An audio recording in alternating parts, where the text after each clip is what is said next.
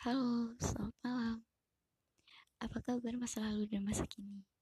Apakah sudah bisa menerima atau justru malah sudah mulai melangkah ke masa depan? Malam ini aku bakal banyak banget menyebut masa lalu, masa kini, dan masa depan. Jangan bosan ya. Well, aku rasa kita semua tahu bahwa kita nggak bisa mengubah masa lalu, tapi kita bisa membangun masa depan. Jangan pernah berpikir seandainya dulu, Seandainya lima tahun lalu, dan seperangkat perandaian lainnya. Stop. Kamu gak akan bisa kembali ke masa lalu. Cukup perandaian itu dijadikan sebagai bumbu, bukan bahan utama yang bikin masakanmu jadi hancur karena salah bahan. Daripada meratapi masa lalu, lebih baik memikirkan apa yang akan kamu lakukan saat ini. Yap, membangun masa depan.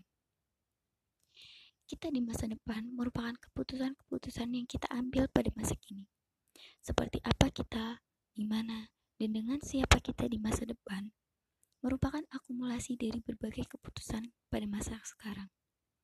Seringkali kita dihadapkan dengan berbagai penyesalan atas tindakan masa lalu yang kita lakukan. Ada dua pilihan ketika kita mengalami hal tersebut, menerima atau membuat kemungkinan yang baru. Dan seringnya, kita akan memilih untuk membuat kemungkinan yang baru mencoba alternatif lainnya. Kedua pilihan tersebut sama-sama baik, tentu saja sama-sama ada yang perlu dikorbankan. Jelas, ketika kita akan mencoba hal baru, kita harus kembali belajar, bahkan dari nol. Saat kita memilih alternatif lain, pastikan kita tidak hanya mau, tapi juga mampu. Percuma kan kalau cuma mau, tapi nggak mampu belajar, nggak mampu berjuang, nggak mampu mengorbankan sesuatu. Kalau kamu masih ragu-ragu untuk mencoba hal baru, maka stop. Jelas pilihan ini tidak tepat untukmu. Keraguan hanya akan membuang-buang waktu. Jadi, silakan memilih pilihan berikutnya, yaitu menerima. Terkadang, kita perlu menyerah agar kita bisa menerima. Mungkin saat ini kita nggak nyaman sama apa yang ada di depan kita. Sayangnya, kita nggak punya kuasa untuk meninggalkan ketidaknyamanan itu maka satu-satunya cara adalah dengan berdamai pada hal yang membuat kita menjadi nyaman.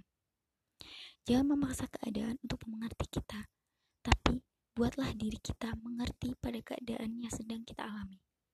Mengeluh pada sesuatu yang tak bisa diubah itu percuma. Dalam kondisi seperti itu, di antara keadaan dan kita, maka kitalah variabel yang bisa diubah. Cobalah untuk menerima akumulasi dari keputusan-keputusan yang telah kita ambil. Keadaan tersebut, fokus kita akan teralihkan. Dari yang cuma misam-misu, sambat sana-sini dengan keadaan, akan lebih fokus untuk memikirkan bagaimana kita bisa nyaman dengan kondisi tersebut. Memang, terkadang kita terlalu fokus berjuang sampai lupa untuk menerima. Keputusanmu saat ini akan terakumulasi di masa depan menjadi biasa-biasa saja atau menjadi luar biasa, tergantung bagaimana kamu memutuskan. Menyesali keadaan saat ini akan membuatmu berada di lingkaran setan apabila tidak ada tindakan yang dilakukan.